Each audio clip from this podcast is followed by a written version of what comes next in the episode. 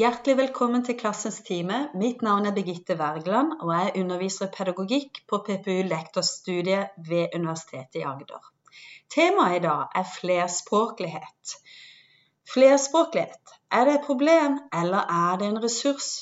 Vi vet det skal være en ressurs, men hvordan opplever vi det? Som lærere er det åh, enda en ting vi bare må få til. Og hvordan opplever foreldre og elever dette?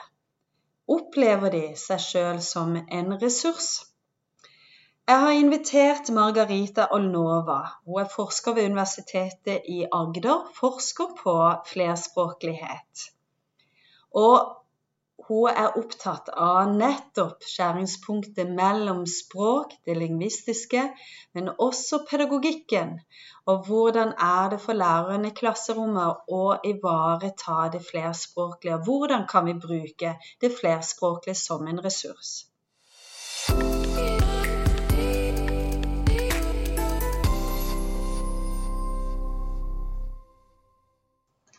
Hei, Margarita. God morgen. Velkommen til Klassens time. Tusen takk at du inviterte meg. Fortell meg aller først, for dette, du har jo ikke et typisk norsk navn. Nei. Hvem er du?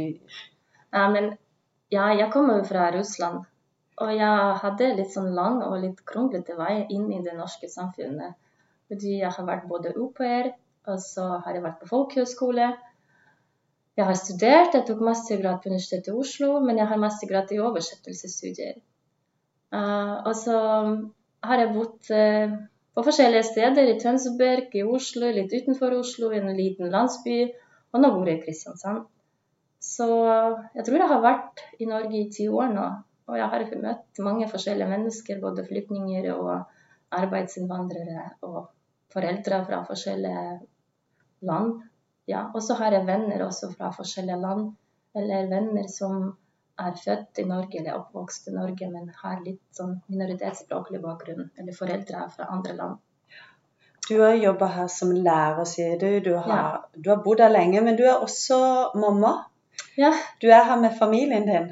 Ja, og det er det at jeg forsker på flerspråklighet, men jeg også bor eller lever i den flerspråklige verden. Jeg har to barn som eh, snakker eh, norsk i barnehagen og ute med venner, og så snakker russisk hjemme. Uh, ja, så de er på fem og tre år. Mm. Så dette har du fra flere perspektiver. Som du sier, du er midt i det, eller du lever i det. Ja, og jeg er ganske klar over at det kan på en måte forstyrre litt forskningen min, at jeg kan være litt sånn subjektiv av og til. Uh, men samtidig kan jeg ikke utelate det. At fordi jeg, har Alle mine venner snakker forskjellige språk og bruker forskjellige språk i hverdagen. Og også deres barn. Også vi snakker om disse temaene. Vi snakker om hva identitet er, hva flerspråklighet er. Liksom, vi prøver å lære våre barn å snakke morsmålet. De går på skoler og Ja, så det er et tema som jeg er veldig interessert i også i privatlivet altså I tillegg så har jeg alle disse instansene rundt meg, både barnehagen og helsestasjonen, som tester mine barn eller gir meg råd hvordan jeg skal håndtere språkutvikling. Så det er på en måte det er veldig vanskelig å ikke mene noe om det hvis jeg lever i det. Mm. Ja. Altså I tillegg det at jeg har jobbet i skolen, jeg vet at det kan være veldig vanskelig. At det ikke alt som står i teorien kan implementeres så enkelt i praksis. Og så er jeg veldig opptatt av å ikke miste den bånden med skolen. Fordi jeg har fortsatt mange venninner og kolleger som jeg har kontakt med. Jeg vet hvordan det er å være i skole med mange forskjellige elever. Ja, og det er også noe som jeg tenker er en stor fordel å ha kjent på kroppen. Mm. Nettopp eh, hvor krevende det kan være å stå i klasserom, hvor mange valg en må ta hele tida, mm. hvor mange eller ulike elevgrupper. Eh, men du snakker om flerspråklighet, for det er jo flere begreper på dette. Mm. Vi snakker om både tospråklige, minoritetsspråklige, mm. men flerspråklige. Ja. Eh, for det er, jeg vet du, du har nevnt det tidligere, vi er jo egentlig flerspråklige alle sammen. Alle sammen, ja. Så det, det jeg har fokus på, jeg vil se på flerspråklighet som ikke bare en ressurs, det er selvfølgelig en ressurs, men jeg vil også se på det som normalitet. De fleste menneskene i verden er flerspråklige. Også det er mange land der man har flere offisielle språk. Uh, og, og, til og med alle som bor i Norge, de kan forskjellige dialekter, de snakker eh, flytende engelsk. Og så ser på engelsk TV, TV-serier og bruker norsk i hverdagen, engelsk i hverdagen. Så alle vi er flerspråklige. Ja. Det er spennende perspektiv, egentlig. Mm. Uh, og jeg vet Vi har snakka om det tidligere i PED-timene, dette her med og eh, hvordan en eller det å ha flerspråklig i klasserommet, da. At det handler ikke om at noen skal ha en spesiell behandling, mm. men eh, at det handler egentlig om å se eleven som ressurs. Mm. Og dette med ressurs er jo et veldig spennende perspektiv, og egentlig et for hva enn og det er for noe. Eh, og det er et stort spørsmål. Men, men før vi, vi, vi kommer til å snakke mye om det i denne episoden. Men konkret, hva er det du forsker på? For det er det du gjør nå. Nå forsker du. Ja, altså prosjektet mitt det heter midlertidig som flerspråklighet som ressurs med spørsmålstegn. For det er en veldig fin frase, det er en metafor. Men jeg prøvde å tenke men hva det innebærer egentlig. Hvorfor det er en ressurs, og ressurs for hvem? Er det en ressurs for eleven? Er det en ressurs for hele klassen, for hele skolen, eller kanskje en ressurs for hele samfunnet? Og det er det jeg prøver å finne ut. Så først eh, analyserte jeg generell del av læreplanen, eller konkret en kapittel fra generell del av læreplanen. Kapittelet heter 'Kulturarv og identitet'. Eller 'Identitet og kulturarv'. ja. Ja, og da må jeg bare stoppe bitte grann der. For det er ikke sikkert Nå er dette en podkast for lærerstudenter. Ja. Så når jeg, eller vi snakker om generell del, hva, for da er det ikke fagfornyelsene eller LK20 vi snakker om? Nei, og det Ja, så først vet vi at i fagfornyelsen i overordna del av læreplanen, der står det veldig tydelig at flerspråklighet er en ressurs. Altså vi har eh, verdigrunnlaget eh, som heter identitet og kulturelt mangfold. Så vi har kulturelt mangfold i i verdigrunnlaget. Så det sier veldig mye om at det er veldig viktig nå i vår eh, skole. Uh, og så jeg ville analysere uh, teksten og finne ut hva, hva, det betyr. Hvorfor de sier at flerspråklighet er en ressurs, og hvordan lærere kan tolke det. Og så For å finne ut det, så så jeg på den tidligere teksten fra generell del, for å se den utviklingen som har skjedd i språket fordi disse tekstene de, de er forskrifter. Det, det, står i loven at, eh, at læreren skal eh, følge dem. Så jeg ville finne ut hvordan uh, offentlighet, eller hvordan uh, de som skriver disse tekstene, hva de vil fra lærerne. Uh, ja, altså Hvis vi ser på den første teksten i generell del av braleplanen, så ser vi at de behandler, eller de skriver om andre kulturer og andre språk på en veldig positiv måte. Mm. Men hvis vi sammenligner med teksten som ble skrevet nå, så vi ser en ganske stor forskjell. Fordi hvis tidligere man har snakket om at vi, vårt land, altså de andre, de andre kulturene, de andre verdiene så Det var positivt omtalt, men det var veldig tydelig forskjell mellom vi og de mm. andre som vi skal lære om, som vi skal tolerere. Men nå man har ikke det perspektivet. Nå snakker man om vi, om fellesskap. Ja. Så hvis man leser nøye denne teksten, man ser at det står veldig ofte om felles rammer, felles verdier, fellesskap, knytte bånd til hverandre. Og det er veldig på en måte fint språk som prøver å si til oss at nei, nå skal vi, uh, nå skal vi ikke se på andre kulturer eller, eller, på minoritetsspråklige barn som noe som kommer i tillegg. Nei, det er ikke noe som kommer i tillegg, det er en del av samfunnet vårt. Mm. Språket er jo veldig viktig. Ja. Eh, det definerer veldig mye. Også de andre, sier du, og nå er det nå er det vi, nå er det oss. Og det er jo egentlig det som også du sier, det flerspråklige. Vi har jo alle nå Vi er jo mm. vel egentlig alle flerspråklige.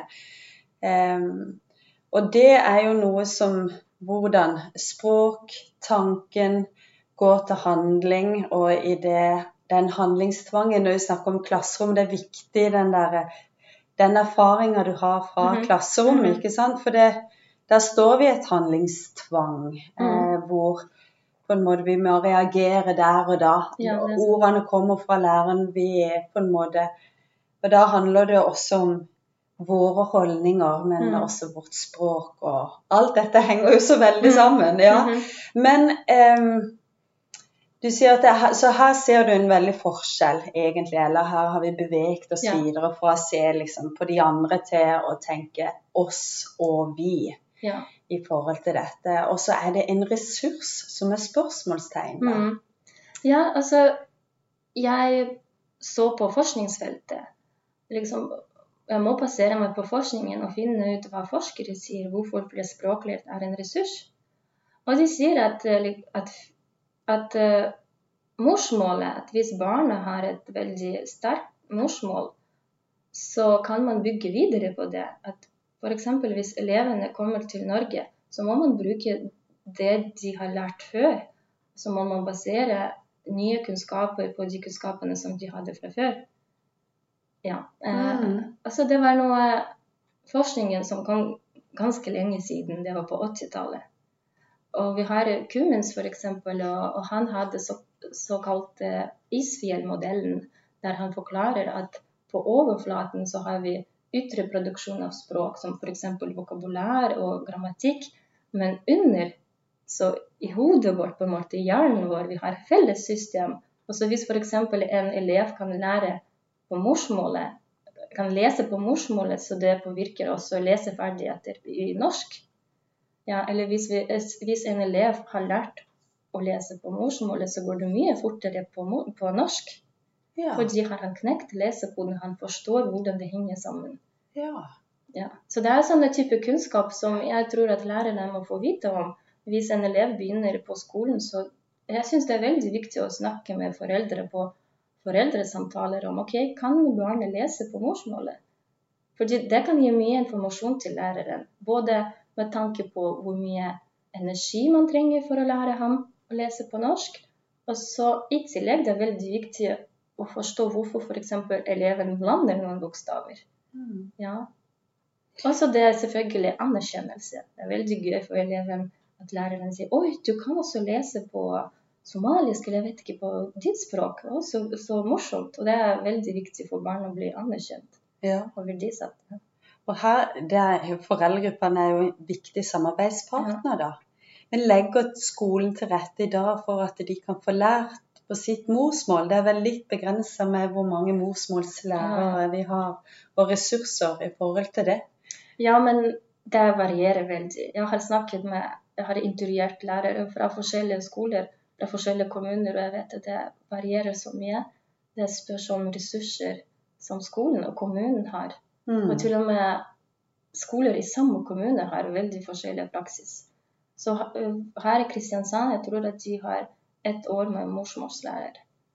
Men uh, i Stavanger, der er jo to eller flere år. Så det er liksom opp til skolen. Hvis skolen vil ha morsmålslærere i flere år, så får eleven det. Ja, hvis de har ja. ressursene til det. har ressurser Ja. til det.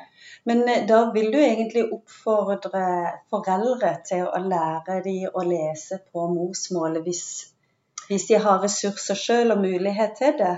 Ja, det er selvfølgelig familien sin valg. Jeg vet at det er mange, mange som bor her, de mener at nei, for oss er det bare viktig at han kan kommunisere med bestemor og bestefar. Mm. Og det er jo greit. Mens andre foreldre vil gjerne at barna lærer å lese på morsmålet. Kan historie om landet og sånt. Det varierer veldig. Og så selvfølgelig, vi har også blandet familier. Det er noen som er gift med nordmenn. Mm. Og da er det tospråkige familier, og det kan være tøft å ha en sånn opplæring på begge språkene. Ja. Ja. Den da velger seg et hovedspråk Ja, også. ja. Men hvis en tenker altså eh, eleven som ressurs, Mhm. kultur, språk som en ressurs eh, En har jo inntrykk av at når en møter på, eh, om det er lærere eller når en sjøl har vært ute i skolen, så, så har en mer enn nok å jobbe med. Og hvordan kan jeg klare å da tenke eh, tenke flere ressurser inn i klasserommet. Eh, altså det jeg prøver å si at Mange ganger så tror jeg vi har lett for å tenke åh, det blir en tilleggsbyrde. Å, nå må vi det òg. Mm. Og nå må vi det, og så må vi det, og så må vi det. Mm. Ikke sant? Men så hvis det skal være en sur, så tenker jeg ok, her er det kanskje noe som ikke vi har funnet ut av helt ennå. Men Mm. har du inntrykk Opplever eh, Vet du noe om det? Om elevene opplever seg som en ressurs, eller vet du om lærere bruker det flerspråklige som en ressurs? Mm. Det var et av målene i intervjuene mine. Ja. Ville finne ut det. Men det varierer selvfølgelig. Og så, jeg har en sånn type opplevelse at disse lærerne som er, har minoritetsspråklig bakgrunn sjøl, de håndterer det litt bedre. De liksom føler det. De, de forstår det veldig intuitivt hvordan de skal bruke det. Og så det med ressurs, det betyr ikke at morsmålet er noe som kommer i tillegg, at vi kan bruke det for å lære norsk. Nei, det er ikke bare pga. norsk. At f.eks. den nye forskningen de sier at når vi snakker, når vi kommuniserer på et annet språk, vi bruker hele sin språklige repertoar. Det er ikke sånn at jeg kobler av russisk min når jeg snakker norsk med deg. Liksom, jeg har alle mine ressurser i hodet mitt som jeg til tilkobler. Og nå har jeg lest om en studie eh, der elevene jobbet med oversettelse. Og de satt ved PC-en, og de brukte Google Translator, forskjellige ordbøker og så, sånn bøker. Eh, og så brukte de Google-søk og Wikipedia og bildesøk. Og så de oversatt til forskjellige språk som de kunne. F.eks. det var en setning som jente ville oversette til norsk eller engelsk. Og så først brukte hun albansk, som var et av språkene sine, og det var noe som hun ikke likte, så prøvde hun på gresk. Så hun prøver å finne liksom, den beste varianten. Og da jeg leste om det, jeg tenkte nei, men, men det er egentlig jeg også gjør. Og det er alle mine venner som har flyttet til Norge når vi vil gjøre noe her. Så vi bruker alle våre ressurser. Ja. Og det er liksom normalt for flerspråklige. Og det er noe lærere kan gjøre også i timene sine. De bruker aktivt eh, ordbøker, leksikon og Google Translator. Fordi når elevene jobber med tekster, spesielt som fagtekster, hvis vi tenker på samfunnsfag og naturfag, det kan være veldig mange vanskelige ord. Og det er ikke bare fagord, det kan også være hverdagslige ord som bruker en annen betydning. Mm. Eller metaforer, Mm. eller sånn eh, faste uttrykk. Så det er veldig fint hvis elevene har mulighet til å google det og oversette til sitt språk. Da tenker jeg, da tenker jeg med en gang selvregulert læring. Altså, og læringsstrategier. Ja, ja. Og det er jo noe vi alle, som du sier, vi egentlig bruker. Mhm. Bevisst eller ubevisst, men dette her å se nå er det noe ikke jeg forstår. Hva Ja. kan jeg bruke? Hvilke ressurser har jeg? ja, ja. Um, at det er noe å være bevisst også som lærer, da, inn mot det flerspråklige. Mm. Eh, å tenke og lære opp barna til å tenke liksom, hvilke strategier har vi for å finne ut av ting når ikke jeg forstår. Ja, ja, Ja. det er det. Og det med bruk av andre språk på skolen, jeg vet det er veldig omdiskutert, og det er mange skoler som har som skilt eller plakat. Nei, her snakker vi bare norsk. Eh, men jeg tenker at i opplæringssituasjoner, i timer, det er, det er ikke skadelig hvis barn får, får lov å jobbe i grupper. Sånn to og to, tre, tre. Få snakke sitt, sitt språk og diskutere et vanskelig tema. Mm. Oversette sammen. Ja, og det også gjelder. Jeg tror det kan være nyttig at barna leser bøker på morsmålet og skriver en liten tekst om det på norsk, eller lager en gjen, gjenfortelling. Mm. Jeg har gjort det, men men jeg hadde jo små elever, jeg jobbet i barneskolen. Men vi hadde en sånn oppgave at foreldre leste for barna Mm. bøker på morsmålet til barna. Men de var jo små, de prøvde å gjenfortelle det på norsk til Ja. hele klassen. Ja. Ja. Oi, så spennende, da. Ja, men, men for meg var det veldig intuitivt. da. Jeg gjorde det fordi jeg følte det er interessant. Ja. Men det er også forskningen som sier det. Det er ganske nyttig. Mm. Ja, altså Det er morsomt for dem å få vise at nei, det er liksom noen andre bøker som man ikke kjenner i Norge. Altså det når man jobber med forskjellige sjangrer. F.eks. eventyr. Hvis du graver litt i det, så man kan finne ut at det er mange veldig like eventyr i ulike folkeslag. Så alle disse uh, handlingene som skjer i eventyrene, de gjentar seg, og de er veldig like. Mm. Så det kan være et veldig morsomt prosjekt å snakke om forskjellige eventyr fra forskjellige land. Og finne hva som er likt, og hva som er forskjellig. Mm. Ja, og det, det med språket, når man jobber med norsk, engelsk eller fransk, så bare sammenligne ord, sammenligne setningsstruktur. Det er noe som heter metaspråklige samtaler. Og det, er veldig positivt for alle elever, også norske elever. Liksom sammenligne andre språk, og man forstår litt bedre sitt eget språk. Mm. Mm. Det å sammenligne, eller det å hente fram fra sitt eh, sin kultur eller sitt land, når, hvis de er født i et annet land, eller Det er jo ikke sikkert de er det. Mm -hmm. Og det er vel også litt diskutert dette her med at det er ikke alle barn som ønsker å eh, på en måte ha den der identiteten. Å Mm. være fra et annet land, eller de vil bare være en del av, Mm. Av det normale i, på en måte i skolen da, eller i klassen, og ikke bli sett på som veldig annerledes. Og så så er det den der balansegangen der, da, å bruke eh, det flerkulturelle som en ressurs, Mhm. eh, og, men samtidig at ikke noen skal pekes ut. Men da kommer kanskje dette her også de andre, og at Og den er vi. Eh, Mm. jeg vet ikke det perspektivet der. Har du noen tanker om hvordan balansere det? Mm. Ja, det er, det er veldig komplisert tema. Da jeg snakket med lærerne, og så oppdaget at noen ble nesten opprørt. De sa nei, men jeg vil ikke se på barn som om de er flerspråklige ikke. De er barn for meg. Jeg er opptatt av vi-følelsene. De skal være inkludert. Så jeg vil ikke snakke om at de kan noe annet, at de kommer fra andre land. Og jeg tenker nei, det er egentlig veldig positive tanker. Det er veldig fint at lærere vil skape fellesskap. Men samtidig det er noe paradoks i det. Og så begynte jeg å lese om hva, hva inkludering egentlig betyr. Og det var mange forskjellige artikler, men jeg fant en interessant tekst på Statped. Og de sier at inkludering kan bety, betyr to ting. Det første er den sosiale inkluderingen. At elevene de leker sammen, at de har noen felles rammer, felles verdier, at de er venner med hverandre. Og det jeg vet at norske lærere er veldig flinke på. De, liksom, de klarer å skape den fellesskapsfølelse i klassen.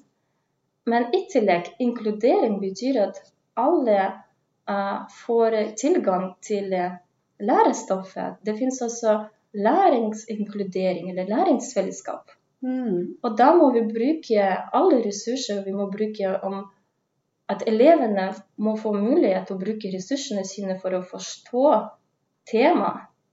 Og vi må inkludere det med det. Liksom, det kan også være urettferdig at de elevene som kan norsk bedre, de forstår temaet bedre. Da må vi hjelpe de andre elevene som, som ikke kan norsk. De må bruke sine ressurser for å forstå også temaet på samme nivå. Og så i tillegg at man lærer om hverandre. Vi skal lære om demokrati, vi skal lære om andre kulturer, om andre land, men hvorfor skal vi ikke bruke elevene våre, som kan også fortelle mye om det? Og det, det er ikke bare at de reiser til hjemlandet. Jeg vet er De fleste barn som er født i Norge, de har aldri vært i hjemlandet til foreldre. Mm. Men de kan jo mye uansett. De leser jo bøker hjemme. Altså, de kanskje hører på musikk, og så har kunst i huset som de kan fortelle om. Mm. Ja. Så det med fellesskap det er veldig komplisert, og man må finne balansen. Altså Man må være veldig forsiktig når man snakker om religion f.eks. og kultur. Man må kjenne eleven godt og klassen godt. Ja. Ja. Ja, fordi jeg hadde også en mamma som fortalte meg om at eleven måtte stå for klassen, at, at barnet hennes måtte stå foran klassen og fortelle om ramadan. Og han faster ikke, de er ikke muslimer. Så det var veldig vond følelse både for ham og for moren. Jeg tror at man må prøve, man må unngå sånne situasjoner. Man må kjenne eleven. Ja. Ja. Det, det er lett å forstå at det var uheldig. Ja, ja. Altså. Samtidig det at man er veldig redd for å snakke om forskjeller Jeg tenker at men barn de ser at de er forskjellige. Mm. Og jeg vet at foreldrene de snakker om det uansett. For Jeg også hadde en informant, og hun fortalte meg om at dattera opplevde en uheldig, sånn ubehagelig situasjon. Hun kom hjem gråtende og fortalte at noen gutter har sagt til henne nei, nå må du dra tilbake til hjemlandet ditt. Og hun sa mamma, men hvilket land? Jeg er i Norge. Jeg er født i Norge. Og Mm. pappa min er norsk, og vi snakker norsk. Og liksom, hva mente disse guttene? Og da måtte jo moren ta den samtalen. Mm. Så liksom våre barn de kan oppleve sånne negative hendelser, så vi må forberede dem til det. Vi må snakke om det. Ja, du er født i Norge, du kan norsk, men du er kanskje litt annerledes, du ser annerledes ut, og det er normalt. Mm. Så jeg syns det er veldig viktig at kanskje lærere også snakker om det. Mm. Ja. Ja, på en naturlig måte. Naturlig, ja.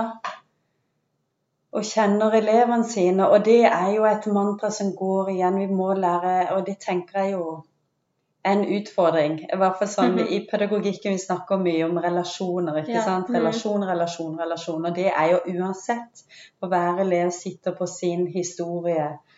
Eh, har med sine følelser og tanker og familie, Mhm. eh, kultur. Eh, og det er jo da en også, når en blir kjent, får muligheten til å se ressursene som, som er der. Mm. Eh, det har jo vært ganske vanlig, jeg husker jo det for en del år tilbake, og det er kanskje sånn fortsatt òg. Noen skoler så er det masse, det er både flagg, mm. og det er sånn matdager, mm. og det er ja, internasjonal dag, eller eh, den type ting. Men, men vi beveger oss vel litt videre fra det Ja. til på en måte å trekke det inn som en naturlig del Ja. i klasserommet. Ja, ja. Jeg, jeg syns at disse dagene er veldig koselige, og det er mange som fortalte meg nei, det var så spennende.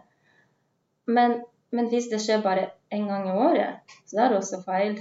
Mm. Man må gjøre noe hver dag og vise at det er normalt, det er hverdagen vår. Ja, altså, og, og jeg vet også at det ikke er alle foreldre som liker det. Det er fordi det er ikke alle foreldre som har sånn veldig sterk tilknytning til hjemlandet eller barna. Det er noen barn som har aldri vært i Somalia. Mm. Ja, så man må selvfølgelig finne balansen her. Mm. Ja, og prøve å implementere det i hverdagen og snakke om andre språk, om andre erfaringer i alle timer, ikke bare norsktimer. Og det er også jeg har opplevd at noen lærere syns at det med flerspråklighet som ressurs, det er, det er noe som skjer på innfør, innføringsklasser eller mottaksskoler. Men det, det gjelder egentlig alle lærere. Mm. Kan det handle om usikkerhet? Ja. At ikke en har nok kunnskap Ja. om land, kultur, språk? Mm. Ja, jeg tror at det, det er veldig sensitivt tema når det gjelder kultur og religion spesielt. Men det kan også være interessant fordi det er noen som kanskje vil snakke om det. Det med hijab f.eks. Jeg ser at det er mange norske jenter som bruker hijab. De har uttalt seg offentlig om det. Hvorfor? Mm. Så det kan være også interessant. Men man må kjenne klassen sin Mm. og elevene. Men eh, når det gjelder språk, så det er kanskje litt enklere å få inn i undervisningen.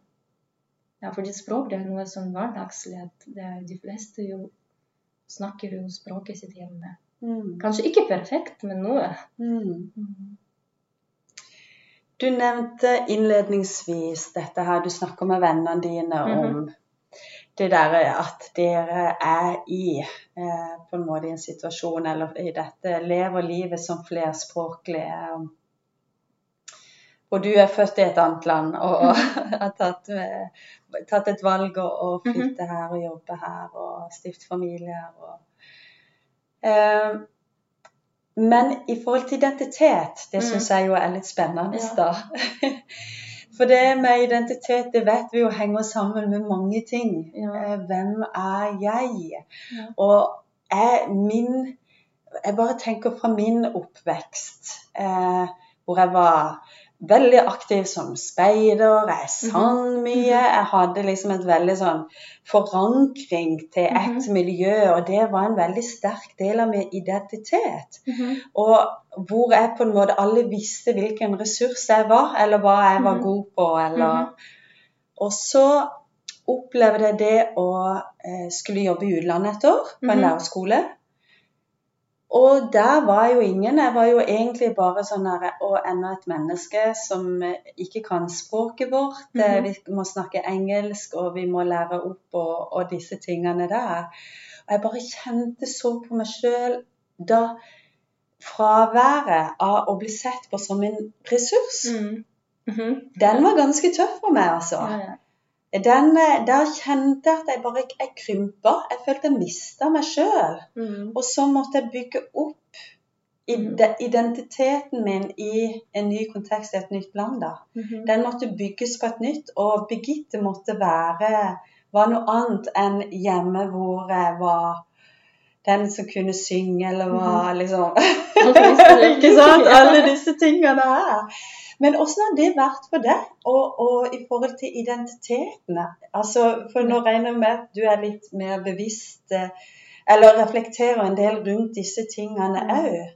Ja, men For det er jo en ting, det ene er at du er liksom eh, fra Russland til Norge, men du har jo flytta, du har bodd på Østlandet, ikke sant, Mm. og både studert og jobba, og, og så kommer du til Kristiansand. For, for meg så kan du bare være fra den ene bydelen til den andre òg, så må jeg bygge opp på en Mm. måte hvem er Birgitte, mm. eller vise de rundt meg hvem jeg er. Ja, det her har jo vært tøft på alle disse stadiene. Jeg husker da jeg begynte å jobbe i skolen. Og, det var etter at jeg fikk mastergrad. Og jeg tenkte nei, jeg, jeg har skrevet masteroppgaven, så jeg kan norsk. Da jeg begynte å jobbe i skolen, jeg skjønte nei. Det var sånn lære, lærebok i norsk. Og der var elevene skulle beskrive en hockeyspiller. Og de skulle skrive kølle. Ja. Jeg visste ikke hva kølle på norsk, liksom. Nei. Jeg kunne skrive om som oversettelse, skrive fagtekst om oversettelse, men jeg kunne ikke sånne hverdagslige ord. Ja, og det var at jeg var jeg følte meg veldig sånn alene, at jeg var annerledes. Jeg følte meg veldig annerledes. Men jeg hadde jo gode kolleger som hjalp meg mye, og hadde en fantastisk rektor som Ja, og det var jo en liten skole, så det kanskje betydde mye for meg. At liksom det var enklere bare banke på døra til rektoren og si nei, jeg trenger hjelp. Mm. Ja. Men da er det du som hele tida må lære deg noe nytt. Du Mhm. må tilpasse deg. Ja. Du må, ikke sant?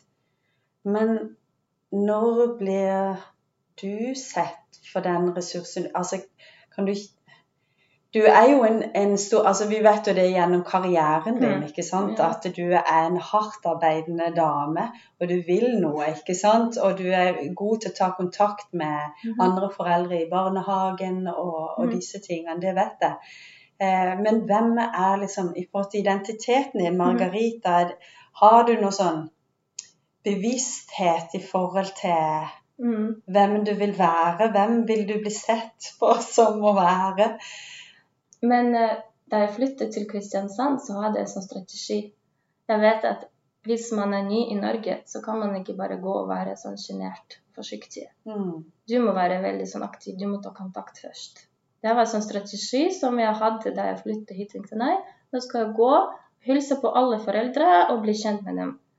Men, men det er ikke meg. Jeg er ikke sånn som person. Så det var litt sånn vanskelig. Mm. Men jeg fikk noe, noen fordeler etterpå. Så det hjalp meg mye å bygge kontakter etter det. Mm. Men det selvfølgelig varierer. Jeg ser at alle byer i Norge er også forskjellige, og miljøene er forskjellige. Mm. Noen steder er det enkelt å få kontakt med folk, men andre steder er det vanskelig. Mm. Og jeg ser dessverre fortsatt at på foreldremøter, på sånne sommeravslutninger Norske foreldre sitter med hverandre. Og de Mm. som er fra andre land, de også sitter med hverandre. Til tross for at de kan norsk. De kan jo norsk, men det er fortsatt vanskelig for dem å få den ordentlige kontakten. Ja, Så det er jo en reise som man må gå gjennom, når man lærer noe hele livet. Ja.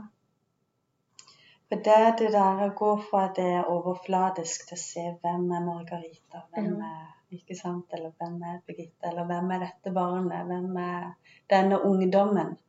Og, Og da må en litt nærmere. Mm. Og det er spesielt interessant med barn. Jeg ser på mine barn at vi, Nå kan jeg snakke om han eldste. Han er jo fem år.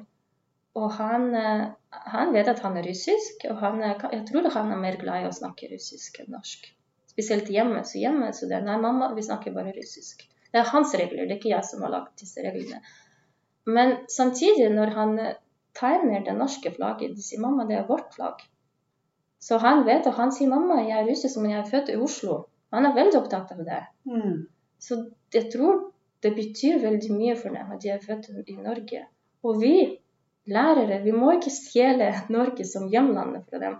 Det er noen ganger det er så veldig kjipt å høre når lærerne sier nei, nå skal vi snakke om hjemlandet til barna. Jeg tenker, hvilke hjemland? De er Mm. født her. Mm.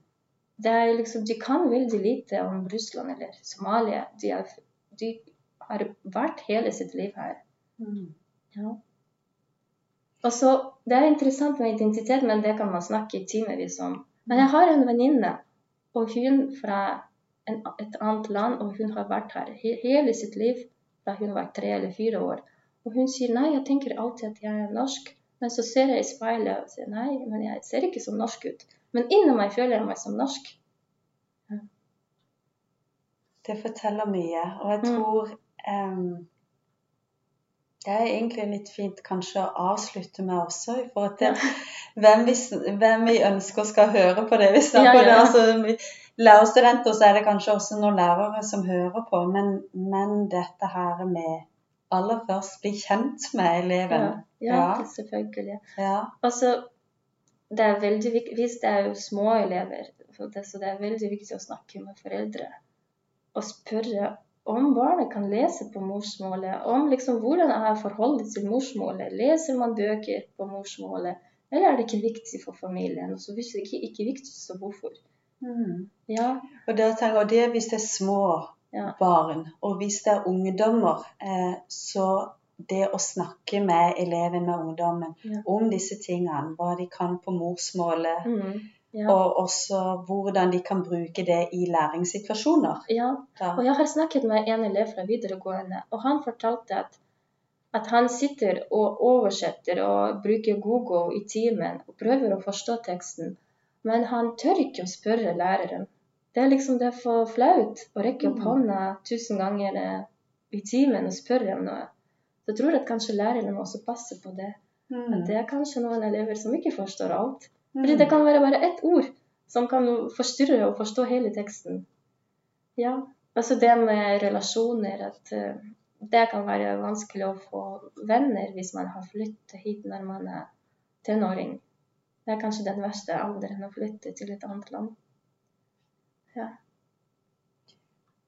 For da har vi altså det med se elevene, snakke med dem i forhold til språket, hvordan de kan morsmålet, det å bruke de i læringssituasjoner, men også at vi på en måte lærer elevene da dette her med hvilke strategier har vi når det er ting Mhm. vi skal finne ut av. Men det, det gjelder jo alle. Alle, ja. Ja.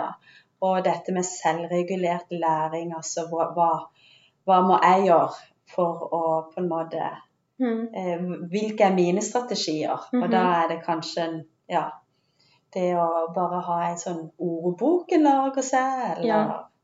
Eller lage en liste med vanskelige Mm. ord på forhånd. Mm, Det er noe som egentlig kan hjelpe alle elever. mm, Lage en ordliste med vanskelige fagord, og så levere på forhånd, sånn at elevene kunne lese hjemme og gå gjennom dem hjem- hjemme, oversette til språket sitt. Ja, så det blir enklere når man skal lese fagtekst. Ja, så de er forberedt til det. Ja, og en del av det når vi både snakker om utforskende læring eller dybdelæring Mhm. eller ulike læringsstrategier, så er det jo dette med å få opp forkunnskaper. Mhm. Og det er jo spennende inn mot det flerspråklige, da. Men uansett, tenker jeg det, det der å, å sette av god nok tid til det, hva har vi av forkunnskaper? Og da Mhm. kan jo egentlig elevene velge litt sjøl òg til å dele hva er det jeg kan om dette temaet, om det er i historiefag eller samfunnsfag, i religion, i KRLE Mm, det. Ja. Eh, og ulike fag, da. Hva har en i klassen, i Mhm. fellesskap? Hva har vi av forskningskunnskaper om dette? Mhm. Og så på en måte dykke videre inn i temaet som en har satt opp. Ja, og jeg tenker når det er store elever, det er mange ting man kan gjøre. Man kan ha sånn prosjekter, lage powerpoint. Og så kan de, hvis det er historie, eller hvis det er andre verdenskrig, så man kan fortelle om andre verdenskrig fra forskjellige perspektiver. Mm. Ja. Ulike verdensdeler. Ikke sant? Og, Ja. ja. så det er mange slike temaer. Også miljøvern. ja. Ja. Det er også kanskje forskjellige utfordringer i alle land. Og bærekraftig Ja. utvikling, det skal en jo se på både lokalt og globalt. Ja. Og da er det viktig med spesielt med språk. eh, For å kunne undersøke og se. Altså Hvis det er noe som er spansktalende, Mhm. da, så kan en se på ulike spansktalende land i verden. Og se hva står det i de ulike medier om Mm, mm. klima nå, Mm. f.eks. Hva Ja. er det som eh, Ja. ja. Og så det er en annen ting eh, som jeg ikke har sagt når vi snakket, da vi snakket om ressurs. Det er at språket kan egentlig være den økonomiske ressursen. Dessverre vi har det språkhierarkiet i samfunnet. Det er noen språk som veier mer enn andre språk.